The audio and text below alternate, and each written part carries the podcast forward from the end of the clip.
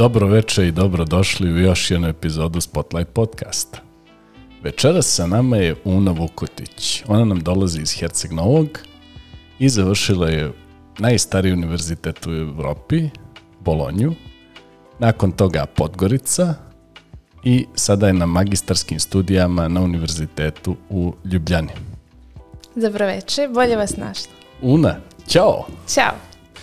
E, da li sam ovo dobro rekao? Ti si počela studije u Bolonji, Jeste. ali nakon toga si se vratila. Jeste, vratila sam se u Podgoricu, tu sam završila bachelor, onda sam upisala master u Ljubljani. Mhm, super. Ajmo negdje da se vratimo na te početke. Ti si mhm. rođena u Herceg Novom. Jeste, tamo sam završila gimnaziju. Ovaj, u trećem razredu sam otišla u SAD na stipendiju koja se sada zove Flex. Ameri... Tada se zvala? Tada se zvala Ismail. Ovaj, uglavnom američkog State Departmenta stipendija gdje sam provela godinu dana u Alabami u jednoj državnoj američkoj srednjoj školi.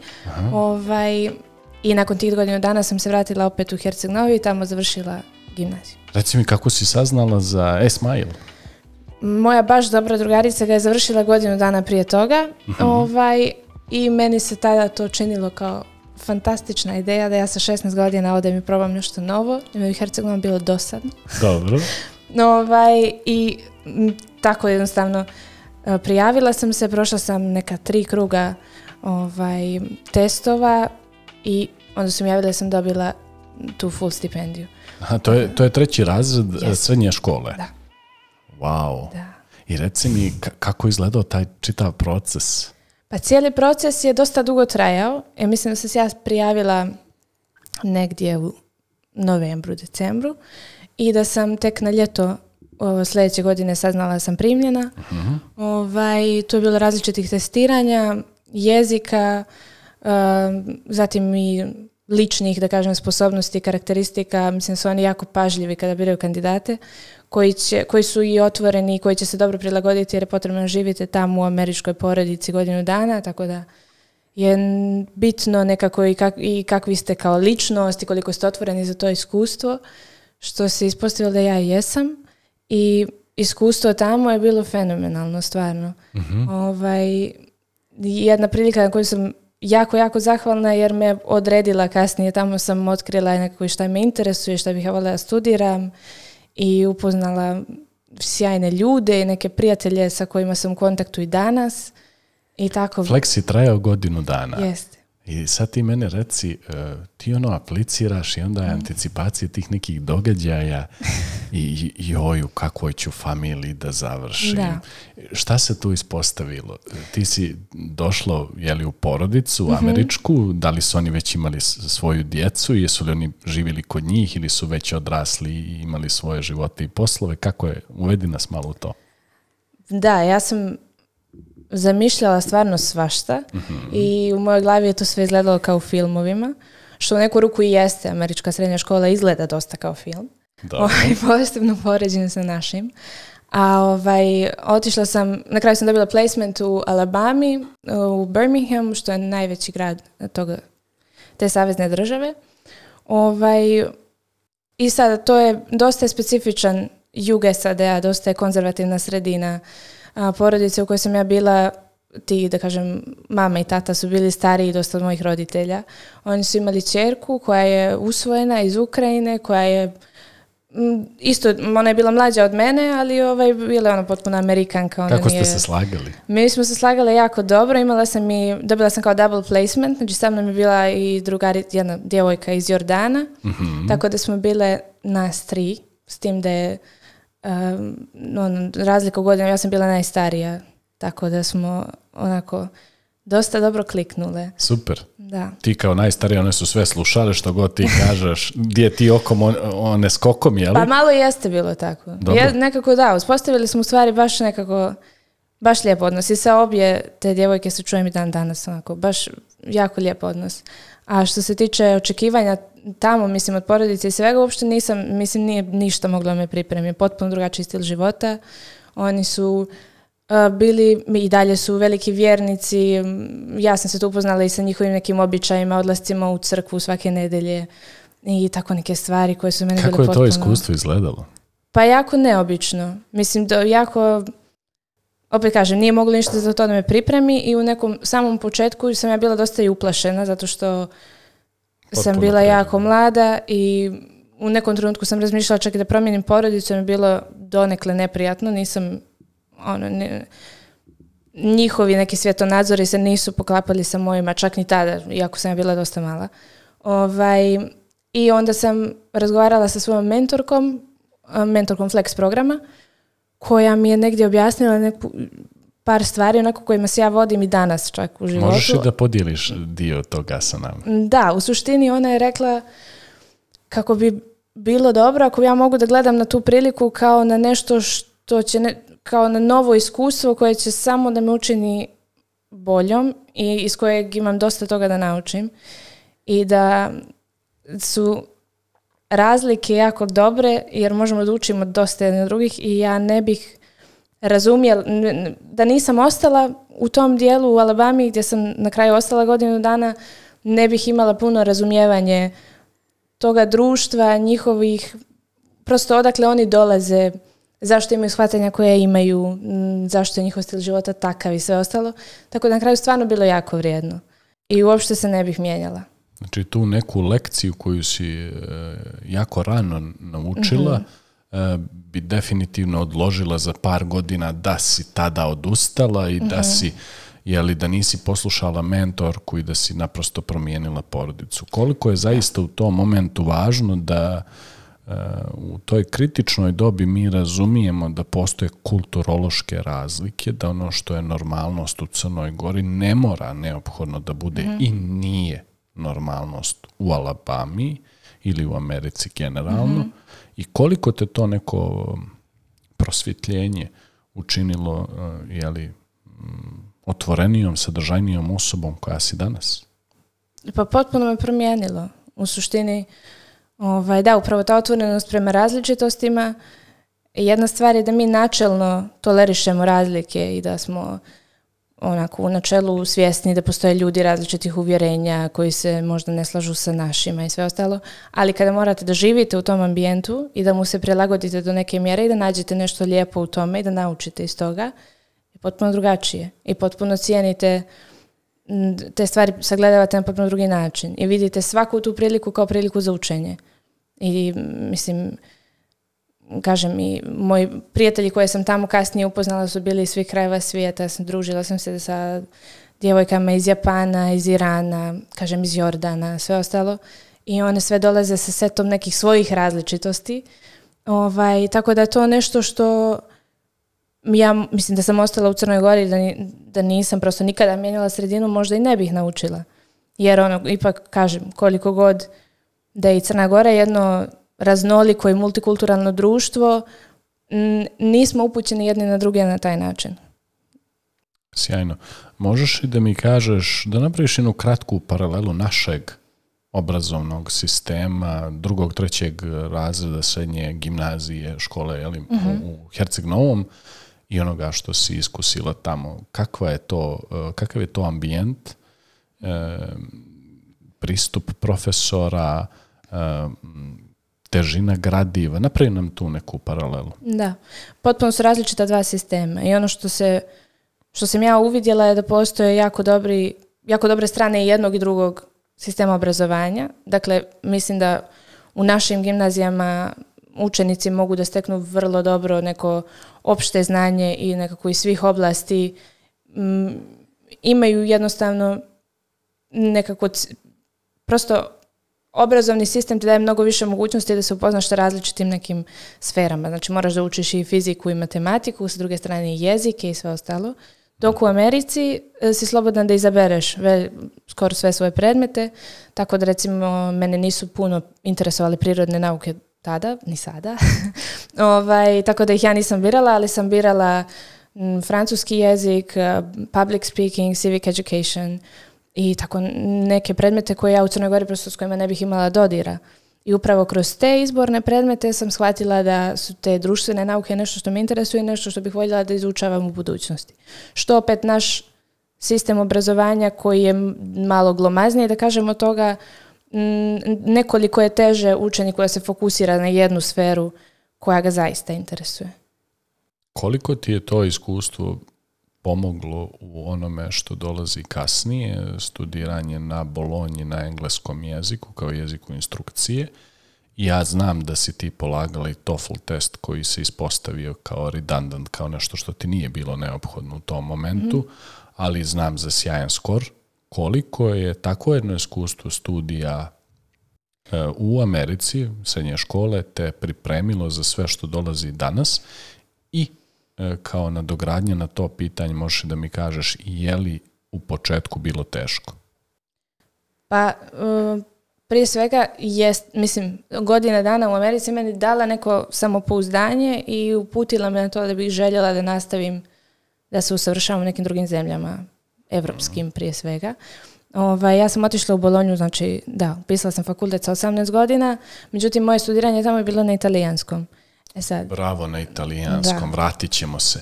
E, sad me interesuje ovaj, ovaj dio vezan za engleski jezik. Mhm. Da li ti je bilo teško taj prvi udar sa jeli, u nekim jako mladim godinama, o, otišla si od kuće i sad razmišljamo uh, kako će biti to učenje na stranom mhm. jeziku. Je li bilo zahtjevno? Pa što se tiče engleskog, za mene konkretno je jezik u tom kontekstu bio najmanji izazov, jer sam ja učila engleski od, od vrtića i onda mi to nije bilo previše. Naravno, prvih par mjeseci sam u engleski značajno poboljšao od onoga kako sam došla, ali sam se vrlo brzo uklopila, mogu reći. Tako da engleski nije bio neki problem i opet kažem, to cijelo iskustvo je meni dao neki polet da ja stvar, da nema nekih prepreka za, koje meni mogu da budu teške. I sve to, to moje uvjerenje u stvari je trajalo do momenta kada sam došla na fakultet i kada sam shvatila da je, da, sada moram da studiram na italijanskom, kojeg ne znam naravno, na, kojeg u tom trenutku nisam znala na istom nivou kao engleski i da je naravno fakultet nešto potpuno drugo i da se traže potpuno drugi nivo znanja i spremnosti. Vratit ću te na taj dio, mhm. e, znači Flex je trajao neki godinu dana, mhm. nakon čega se ti uspješno vraćaš u Crnu Goru, mhm. završavaš četvrti razred, razred srednje škole, diplomiraš i razmatramo opcije za studiju inostranstva. Razmišljamo o osnovnim studijama, razmatramo zemlje, je li to Italija, je li to Španija, je li to Holandija, je li to mhm. Skandinavija. E, kako je izbor pao na Italiju? Pa iz više razloga je pao izbor na Italiju. E, prije svega, rekla bih, najvažniji razlog u tom trenutku za mene je bio što Italija, regije u Italiji nude stipendije koje pokrivaju veliki dio, o, mislim, pokrivaju cijeli tuition i veliki dio troškova života tamo generalno. Čuvene regionalne stipendije, e, pričamo o školarini, da. o hrani, o... Da, u suštini to je neki iznos e, koji se plaćuje dva puta godišnje i koji vi ste slobodni ste njime da raspolažete za svoje troškove stanovanja, hrane i svega ostalog. Ovaj, tako da zbog toga i zbog toga između ostalog i što sam učila italijanski jezik godinama prije toga u mhm. srednjoj, i mm, osim toga zbog kvaliteta fakulteta naravno i neke, nekog života u Italiji koji sam ja zamišljala da je ovako vrlo romantičan, opet i kao iz filmova i kao neka predstava koju imamo o Italiji koja je prelijepa zemlja za život, što mislim, i jeste u mnogim svojim aspektima. Tako da je izbor pao na to. Hm, znači, e, osjećam da tu se ona slika koju smo kreirali u glavi i realnost kad u to jeli, uvrstimo učenje i svakodnevne obaveze nisu baš poklopile i dolazimo do, do, do jednog momenta koji e, nam je kreirao blagu nelagodu. Možeš i da me malo uvedeš u to s obzirom da si ti većinu svoje aplikacije uradila uz pomoć ambasade što je mhm. tada mm da kažem, to bila, bila praksa praksa. I, Ja. U stvari tada je to bio jedini način. Mislim, preko ambasade su išle prijave za sve univerzitete u cijeloj zemlji. Ovaj, tako sam se ja prijavila zajedno sa njima, međutim, to je samo jedan dio toga administrativnog posla. U, suštini oni vam um, u tom smislu pomognu da, se, da dođete na sam univerzitet, univerzitet i da imate priliku da polažete prijemni ispit. Od momenta kada ste vi primljeni, to je kada položite prijemni ispit, postoji još niz da kažem, administrativnih radnji koje radite sami, koje sam ja u tom trenutku radila sama i prosto to je jedan isto aspekt koji je bio malo težak i koji je zahtjevan. Mm. Kada prosto sa 18 godina ste, ono, morate da se borite sa njihovim sa birokratijom, sa nerazumijevanjem do kraja ni jezika, ni samih tih procesa. Ovaj, osim toga, kada sam se ja upisala u Bolonji, tamo nije bilo puno studenata sa naših prostora, tako da nije bilo mnogo ljudi koji su prolazili kroz istu stvar u mom gradu u kojem sam tada živjela. Ovaj, sve to nekako, mislim, stvara naravno jednu vrstu opterećenja, pritom svakako teče već semestar, prate se predavanja, spremaju se ispiti i sve to. Tako da... E, Ti u tom momentu nisi imala klasičan E, test jezika za jeli, Nisam italijanski program, ono što je jeli, Čeli Chills za naše studente danas, već je tvoj, e, da kažem, e, prvi test za italijanski jezik bio na prijemnom. Da, da. Na prijemnom sam, jedan dio prijemnog ispita je bio polaga, ispit vezan za jezik, ovaj, koji je bio dijelom pismeno, dijelom usmeno ovaj, i drugi dio prijemnog koji se odnosio na samu materiju. To je, mm. mislim, I taj prijemni je negdje za tvoj program uh, političkih nauka mm. bio negdje u septembru, je li tako? Tako je, da. Ako se ja dobro sjećam, to je bilo neki početak septembra. Mm. Ovaj, I vrlo brzo poslije toga su izašli rangri, rangliste. Ovaj, i, I tu... ti si nakon toga krenula da, sa studijama kad otprilike? U oktobru kreću predavanja mhm. ovaj, i da, tu negdje isto se neposredno prije toga vi saznate da ste primljeni. Mhm. Ovaj, onda se e, traži stan, e, pa je i to, to je moje tema. pitanje, tu te čekam. Kako je bilo tražiti stan u Bolonji? Je li problem kao u Padovi? Mhm. kao na Kafoskariju, dobro Kafoskar ima sad e, svoje nove kapacitete u, Veneciji, ali reci mi E, taj moment, taj prvi udar, e, dolazak na aerodrom, traženje smještaja, traženje smještaja iz Crne Gore, daj nam malo tog utisk. pa ja sad ovaj, rizikujem da zvučim staro. Ali stvarno 2016. godine nije bilo mnogih stvari kojima se danas ljudi služe. Naravno, postojale su Facebook grupe na koje ljudi kače slobodne stanove, smještaje, opcije i tako dalje. Ali to nije bilo jednostavno, mislim, nije bilo istih pomagala koje imamo danas i razno razne aplikacije, agencije i mislim povezivanje među studentima, pa možda znate nekoga ko zna nekoga i tako dalje. Ovaj, u tom trenutku u Bolonji sam se ja oslanjala na oglase, ovaj, znači par tih internet stranica i Facebook grupe opet. Tako da je cijeli taj moj proces traženja strana trajao nekih mjesec dana. Ovaj, gdje, da, bilo je teško. Mislim da to i kao što kažeš u, i u Padovi i u mnogim drugim gradovima je tako, zato što je prosto veliki broj studenata, tu nisu, Bolonja nije veliko mjesto, ovaj, tako da je dosta zahtjevno. Posebno, mislim, prepreke su razne. Neki stanodavci preferiraju da oni koji žive tu budu italijani, ne žele sa strancima ili ne govore engleski ili ne znam, hiljadu prepreka ili prosto nađete stan pa ne možete nađete cimere jer ne poznajete ljude i tako dalje. Ili imaš kućnog ljubimca, nađeš da. i cimera i stan, ali na kraju skapiraš da ne možeš da dovedeš Svakako, to je dodatno otežavajuća okolnost. Ovaj, tako da je cijeli taj proces trajao i mislim moram reći stvarno je bilo, bilo je stresno, jako. Ovaj, jer nekako velika, ja sam bila jako srećna i ponosna kada sam položila prijemni, bilo je sjajno, osjećala sam se jako dobro, ali onda sam se susrela sa toliko nekih drugih prepreka da sam čak pomislila ok, ovaj prijemni je ništa u suštini šta jeste. Ovaj, sa cijelim, dok vi svoj život tamo uredite do nekog stepena, ovaj, posebno kažem, kao potpuno bez iskustva, to bio moj prvi put u Italiji, da kažem, da pokušam da živim tamo. Možeš da se prisjetiš vezano za aplikaciju na regionalnu stipendiju, ja mhm. znam iz naše komunikacije prije ovog podcasta da mhm. si ti apsolutnu, cjelokupnu aplikaciju odradila samostalno. Da li u tom momentu si mogla da podneseš aplikaciju online ili je ipak zahtijevalo nešto podnošenju nekoj od institucija fizički? E, kako je nakon toga tekao proces kada dođeš tamo? Eh, vađenje boravišne ili šta god, mhm. tih nekih dokumenata, more dokumenata koje ti moraš da izvadiš tamo, možeš se prisjetiti za naše gledoci i slušalce tog? Da, ovaj, kao što ti kažeš, to sam, cijeli proces sam radila sama, u suštini u tom trenutku svi ljudi koje sam ja poznavala iz Crne Gore koji su bili tamo su svi radili sami. Samo što ovaj, Regionalne, stipendije su različite, znači nije, isto, nije ista aplikacija u Bolonji, u Emiliji Romanji, recimo u Rimu, u Laciju, pa mislim, različite su procedure.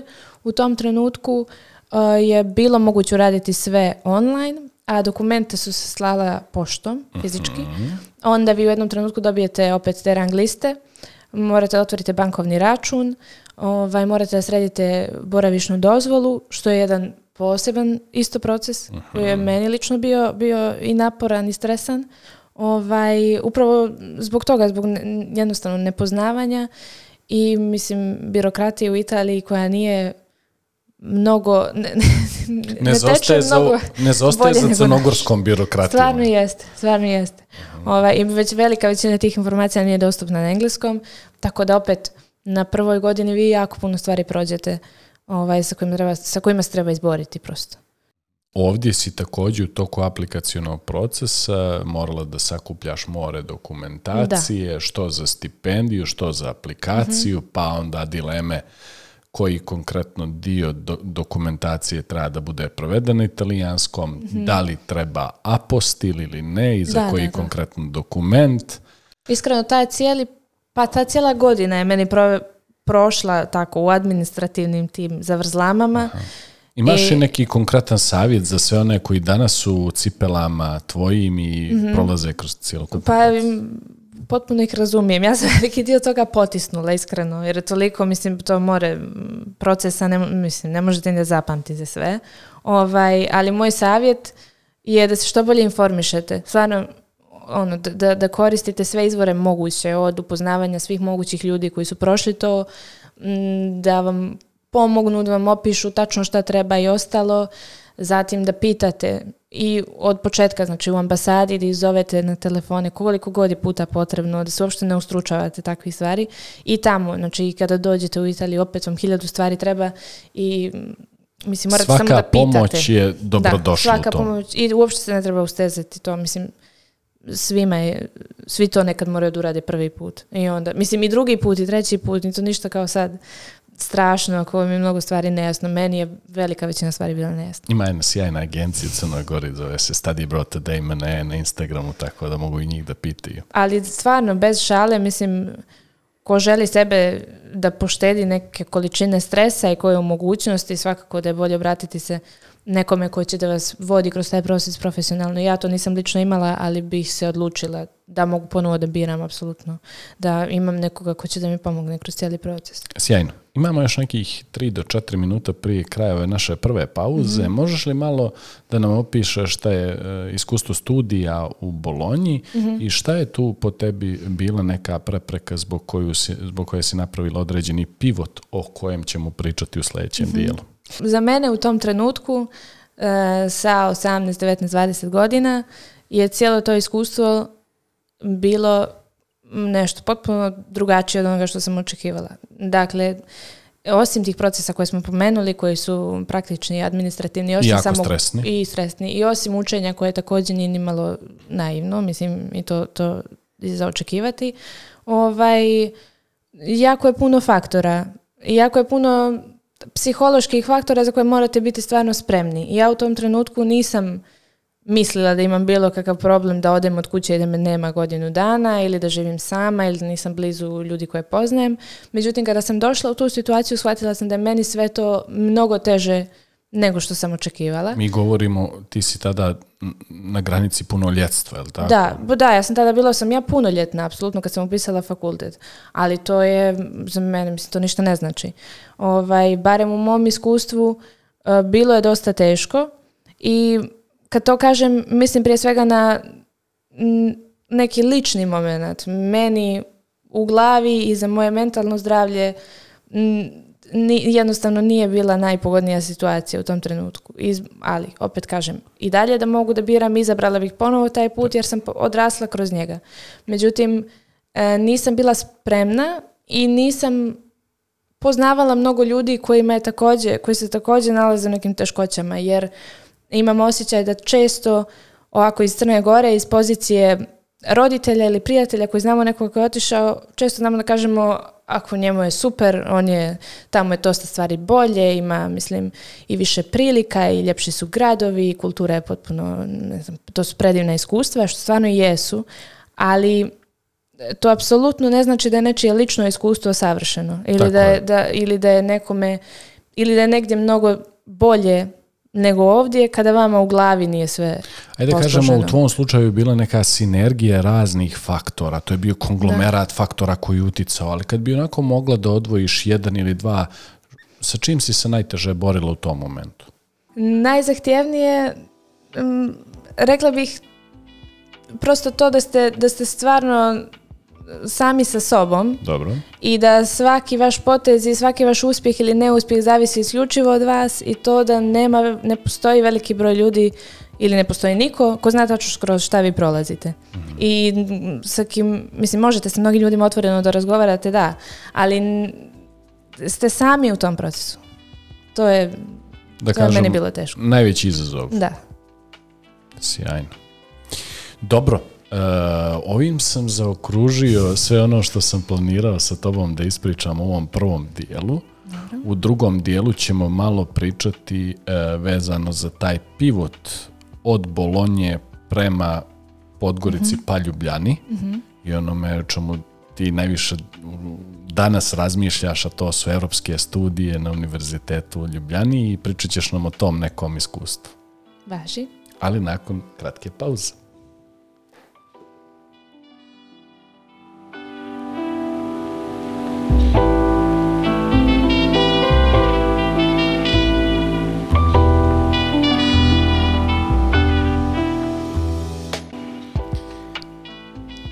Evo nas nakon kratke pauze sa nama večera Suna Vukotić. Upravo smo ispričali dosta stvari vezano za studiranje u Bolonji. Sada ćemo se nadovezati na tu priču i vidjeti šta slijedi dalje. E, Una, e, povratak iz Bolonje, Podgorica, mhm. nastavak studija na univerzitetu u Crnoj Gori. Mhm.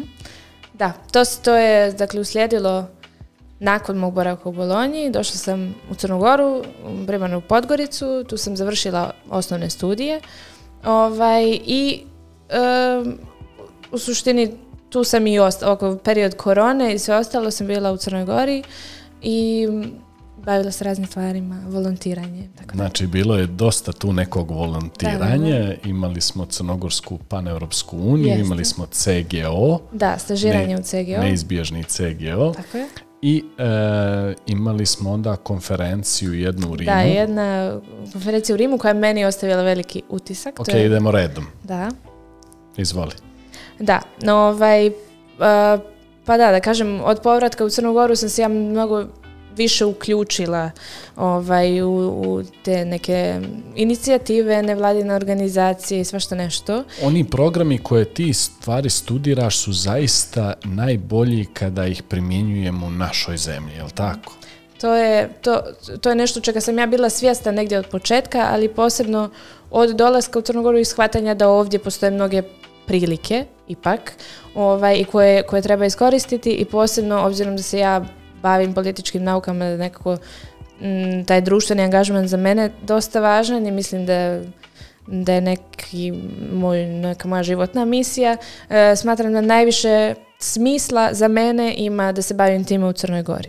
I tu kreću ti angažmani koje se pomenuo u Crnogorskoj panevropskoj uniji, u CGO ovaj, i s raznim drugim inicijativama. Odlično. Možeš li malo da nas upoznaš e, sa tom prvom inicijativom, je li to bio neki volonterski angažman mhm. ili, ili je pa, bilo... Moj prvi angažman jeste bio volonterski. U Crnogorskoj panevropskoj uniji gdje sam ovaj, učestvovala sa, odnosno sa njima radila nekoliko mjeseci na organizovanju razno raznih ovaj, konferencija, foruma i nekih dnevnih djelatnosti, da kažem, koje, koje se dešavaju u nevladinim organizacijama i od toga sam krenula dalje, to se nastavilo sa angažmanom u CGO, ovaj, koji je bio isto jedno, divno iskustvo u kojem sam naučila jako puno, upoznala jako puno ljudi.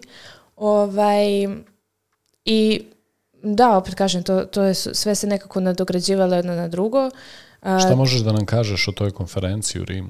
Da, konferencija u Rimu se zvala u Western Balkans Forum ova, ja sam za nju saznala, čini mi se na sajtu ili Ministarstva prosvjete ili vanjskih poslova. Aplicirala se. Aplicirala, tako je. Ovaj, posla svoju aplikaciju, dobila priliku da učestvujem uh, na tom forumu sa eh, osamdesetak uh, mladih ljudi iz svih zemalja Europe. Šta su bili ključni neki uh, zadaci da. kojima Ključni cilj konferencije je bio da mi kao kao mladi e, sastavimo neki set preporuka iz raznih oblasti, iz e, različitih da, oblasti i obrazovanja i saradnje i, digitalne djelatnosti i tako dalje, ovaj, koje bi kasnije bile razmatrane na konferenciji za budućnost Europe na nivou Europske unije. Tako da je tih sedam dana bilo vrlo sadržajno E, bili su uključeni i ljudi, e, kao što sam rekla, državljani Evropske unije, ali i mi sa Zapadnog Balkana, tako da smo imali potpuno, potpuno ravnopravno učešće potpuno smo otvoreno razgovarali o raznim idejama koje bi mogle poboljšati status mladih i unutar Evropske unije i u, da kažem, susjedstvu. E, nakon toga ti si u Podgorici, razmatraš e, gdje dalje e, mhm. sa masterom. Da. Tu su par opcija i opredjeljujemo se za Sloveniju, Ljubljanu. Koji su konkretno razlozi koji su prevladali u tvom slučaju? Da, ovaj, kao što sam rekla, nakon tog vremena provedenog ovdje koje mi je jako puno značilo, ovaj, sam se odlučila da, da nastavim obrazovanju, da, da odaberem neki program za master, odlučila sam se za evropske studije na Univerzitetu u Ljubljani. E, prvo zato što mi se svidio sam program. E, to je oblast koja mene interesuje, to su dakle Evropska unija, njeno funkcionisanje, institucije, sve ostalo. Ovaj, I zbog toga što je, bih, sam, učim zapravo u međunarodnom ambijentu, dakle nas, svi u grupi smo stranci, uči se na engleskom jeziku, grupe su manje, dakle nas je svega 15 studenata, što je za razliku od Bolonje gdje nas je bilo 150, ogromna razlika i mnogo je nekako prisniji taj način i komunikacije sa profesorima i među nama. I da, cjelokupni, program mi se jako dopada, mislim da se uopšte nisam zeznula.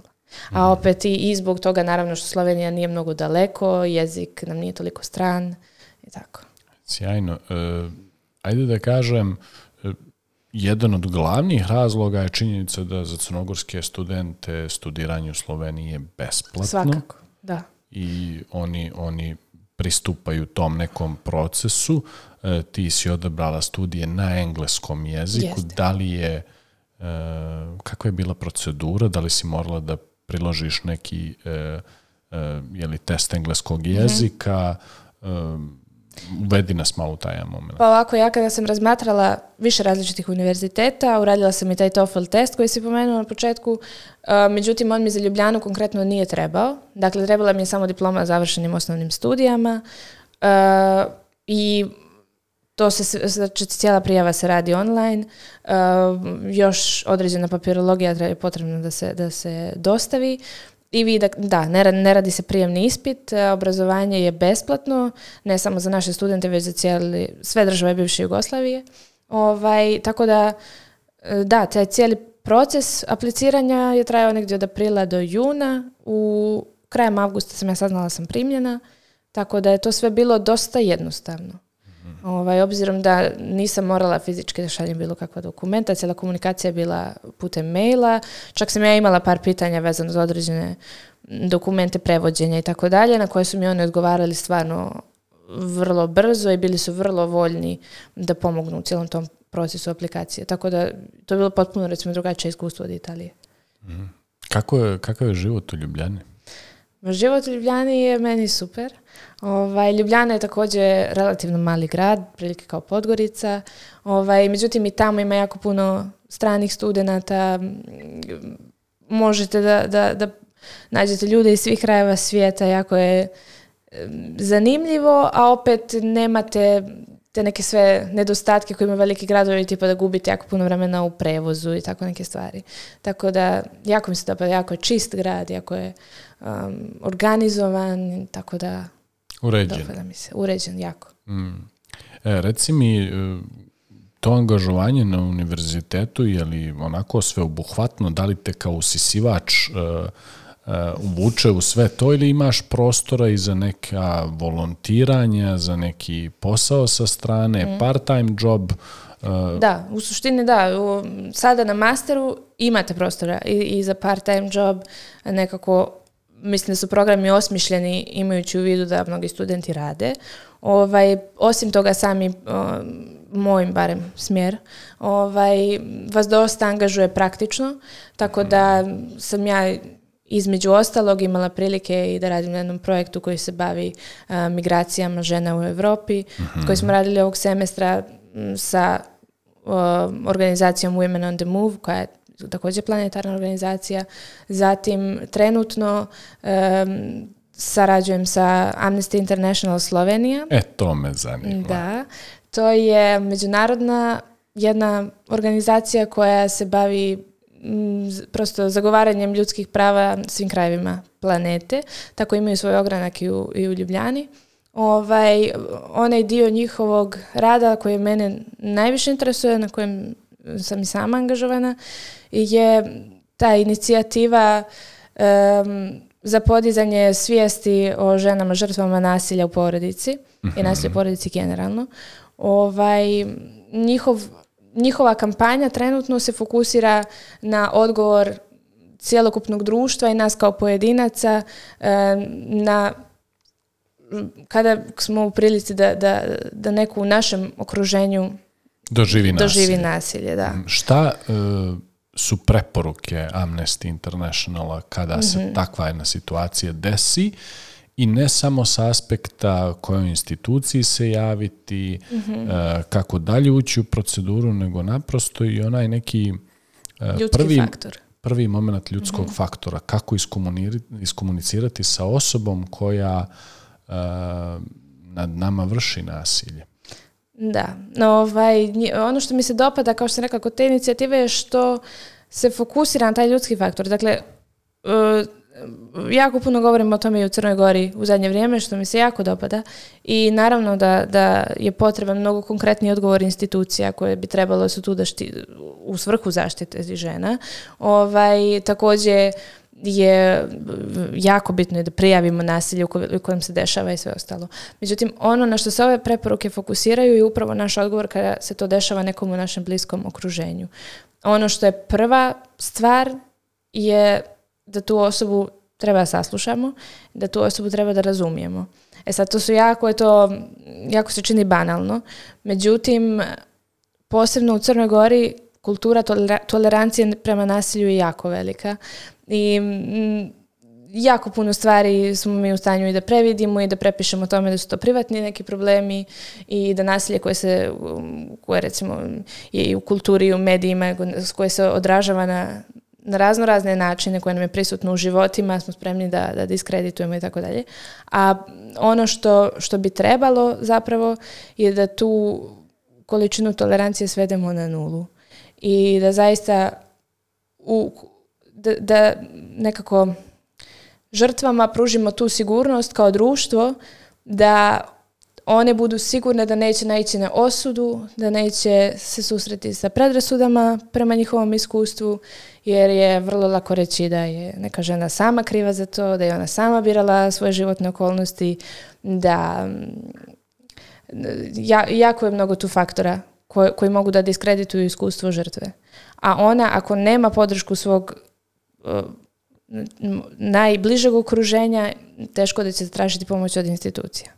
Tako da je to sve neki povezani ciklus mhm. u kojem je, da kažemo, presudno važno da, da kao ljudi i da kao prijatelji, komšije, što god, budemo u stanju da tu osobu razumijemo. Ponudimo svoju I da joj ponudimo svoju podršku, ne na način da je forsiramo da niti da prijavi, niti da pobjegne, niti bilo šta slično, već da zaista slušamo šta je to što bi ona željela od nas. Jer ukoliko ima podršku ovaj, od sredine, mnogo su veće šanse da će ta žena prijaviti nasilje, da će, se, da će izaći iz te situacije na bilo kakav način. Eh, onda kada, kada su umješane tu predrasude, sramota, osuđivanje i tome slično, mm, teško, teško je da će, da će bilo biti snažna dovoljno da izađe iz te situacije. Bilo kakva vrsta društvene stigme, je li tako? Da, e, ti radiš na ovoj poziciji paralelno sa prvom godinom master programa. Jeste, to je u suštini e, povezano sa univerzitetom na način da Amnesty International sarađuje sa, sa mojim fakultetom ovaj, i da onda su studenti slobodni da se angažuju i da, da rade sa njima ukoliko, ukoliko se pokaže da je to dobar meč, prosto ukoliko mhm. oni um, ukoliko njima potrebno neko da radi sa njima i ukoliko studenti žele. Tako da je vrlo, mislim, u tom smislu je stvarno fakultet um, drugačiji i, i zanimljiv u smislu da zaista pokušava što više praktično da nas angažuje. Sad ja malo razmišljam u kom dijelu, e, ja tebe zamišljam kao jednu mladu mentorku koja je prije toga prošla određenu obuku i mhm. sada ona implementira jeli, e, sve te alate, mentalne alate i obučava što zajednicu, što konkretnu potencijalnu žrtvu, što eventualno ljude koji mogu biti u njenom najbližem okruženju. Jesam ja to dobro e, razumio? U ovom smislu se ja ne stavljam u ulogu mentorke. Dobro, nego... Već mi eh, je rad na toj kampanji više E, se odnosi na zagovaranje teme u medijima, na rad sa studentima, organizovanje debati na ovu temu. Podizanje svijesti. Podizanje svijesti, jeste. Više nego, više nego mentorstvo. Mhm, super, super. Dobro, e, možeš malo da mi kažeš mimo tog nekog konkretnog e, volonterskog angažmana kako izgleda studirati na engleskom jeziku u nama bliskoj Sloveniji. Znamo da je Slovenija bila jedna od šest članica bivše socijalističke federativne republike Jugoslavije i da, ajde kažem, roditelji naših vršnjaka jako dobro i govore i razumiju naš jezik, ali da mhm. možda e, njihovi mlađi naraštaj nijesu toliko talentovani da razumiju crnogorski, srpski, nazovike kako god. Pa zapravo u suštini oni dosta bolje govore i razumiju naš jezik nego što mi razumijemo slovenački. To, to je bar... svakako. E, to, to, je sigurno u mom iskustvu. A ovaj, studiranje izgleda stvarno predivno. Ono što sam ja očekivala prije nego što sam otišla je da će većina tih stranaca nazovi biti dolaziti zapravo iz zemalja regiona. Međutim, ja sam jedina na mom smjeru koja, koja je iz Crne Gore, odnosno iz neke od e, bivših Eh, Republika Jugoslavije. Ovaj, a e, studenti dolaze iz svih krajeva Europe, dakle sa mnom studiraju i Njemci, Holandžani, Slovaci, tako dalje. Tako da ovaj, je vrlo dinamično i oni su zaista posvećeni, kompletna komunikacija se dešava na engleskom, tako da e, pored toga što se ja trudim da, da naučim slovenački barem do, neke mjere da mogu da vodim neku osnovnu komunikaciju mi zaista nije potreban jer su i profesori tu ovaj maksimalno da nam da, da drže, da, zapravo da nam sve informacije daju na, na engleskom kao što je li taj e, profesorski stav mahom iz Slovenije ili su to strani gostujući profesori? I... Ima stranih predavača, gostujućih, a stav je cijeli iz Slovenije, tako da oni čak i sa, sa studentima ko, Slovencima razgovaraju također na engleskom. Kakav im je engleski? Mnogo bolje nego italijani. Aha, to, očekivao sam tu vrstu poređenja. Da, da, mnogo okay, bolje. Dobro, ono što mi najčešće praktikujemo pred sami neki kraj mhm. epizode podcasta je da ti negdje e, daš neku poruku mladim ljudima danas, toj mhm. nekoj uniji unazad 6-7 godina koja je danas u tvojim cipelama i razmatra sve opcije i neke tvoje e, planove za budućnost. E sad, ono e, što bih ja želio tebe da ta poruka, ako smijem malo da, da, da utičem, negdje bude u dijelu e, koliko je zaista to iskustvo Bolonje bilo za tebe važno, već si rekla da ga ne bi mijenjala ni za što, iako se mhm. ispostavilo kao uslovno rečeno neuspješno. Mhm. I e, u dijelu odabira opcija nekako imam utisak da su mladi ljudi previše stegnuti danas i joj, ako mhm. napravim grešku, šta onda... E, često mi se desi da neki mladi čovjek dođe i kaže i pauzirat ću godinu, kao da je smak svijeta. Mhm. Znam neke ljude koji 20 godina pokušavaju da upišu jake univerzitete i dalje misle da su na vrijeme, jesu na vrijeme, a ne neko ako propušti jednu ili dvije godine. Voli bi da im ti daš, jer si a apsolutno neko koji je bio u toj poziciji, mhm. e, da im ti daš savjet vezano za taj moment e, odabira i šta nakon toga i koliko je važno da se proba i koliko nikakav problem nije ako se napravi pivot. da, ono što bih ja primarno savjetovala je da upoznaju sebe i da shvate šta je to što njih lično čini srećnim, e, šta su to njihovi lični kapaciteti i stvari koje bi željeli da razvijaju kod sebe, jer je to apsolutno primarno. Da znate šta je to što vas zaista interesuje. A zatim, mislim što, dalje od toga će se prosto izbori sami stvarati, imam osjećaj nekako kad znate čemu težite, naći ćete i put da to ostvarite.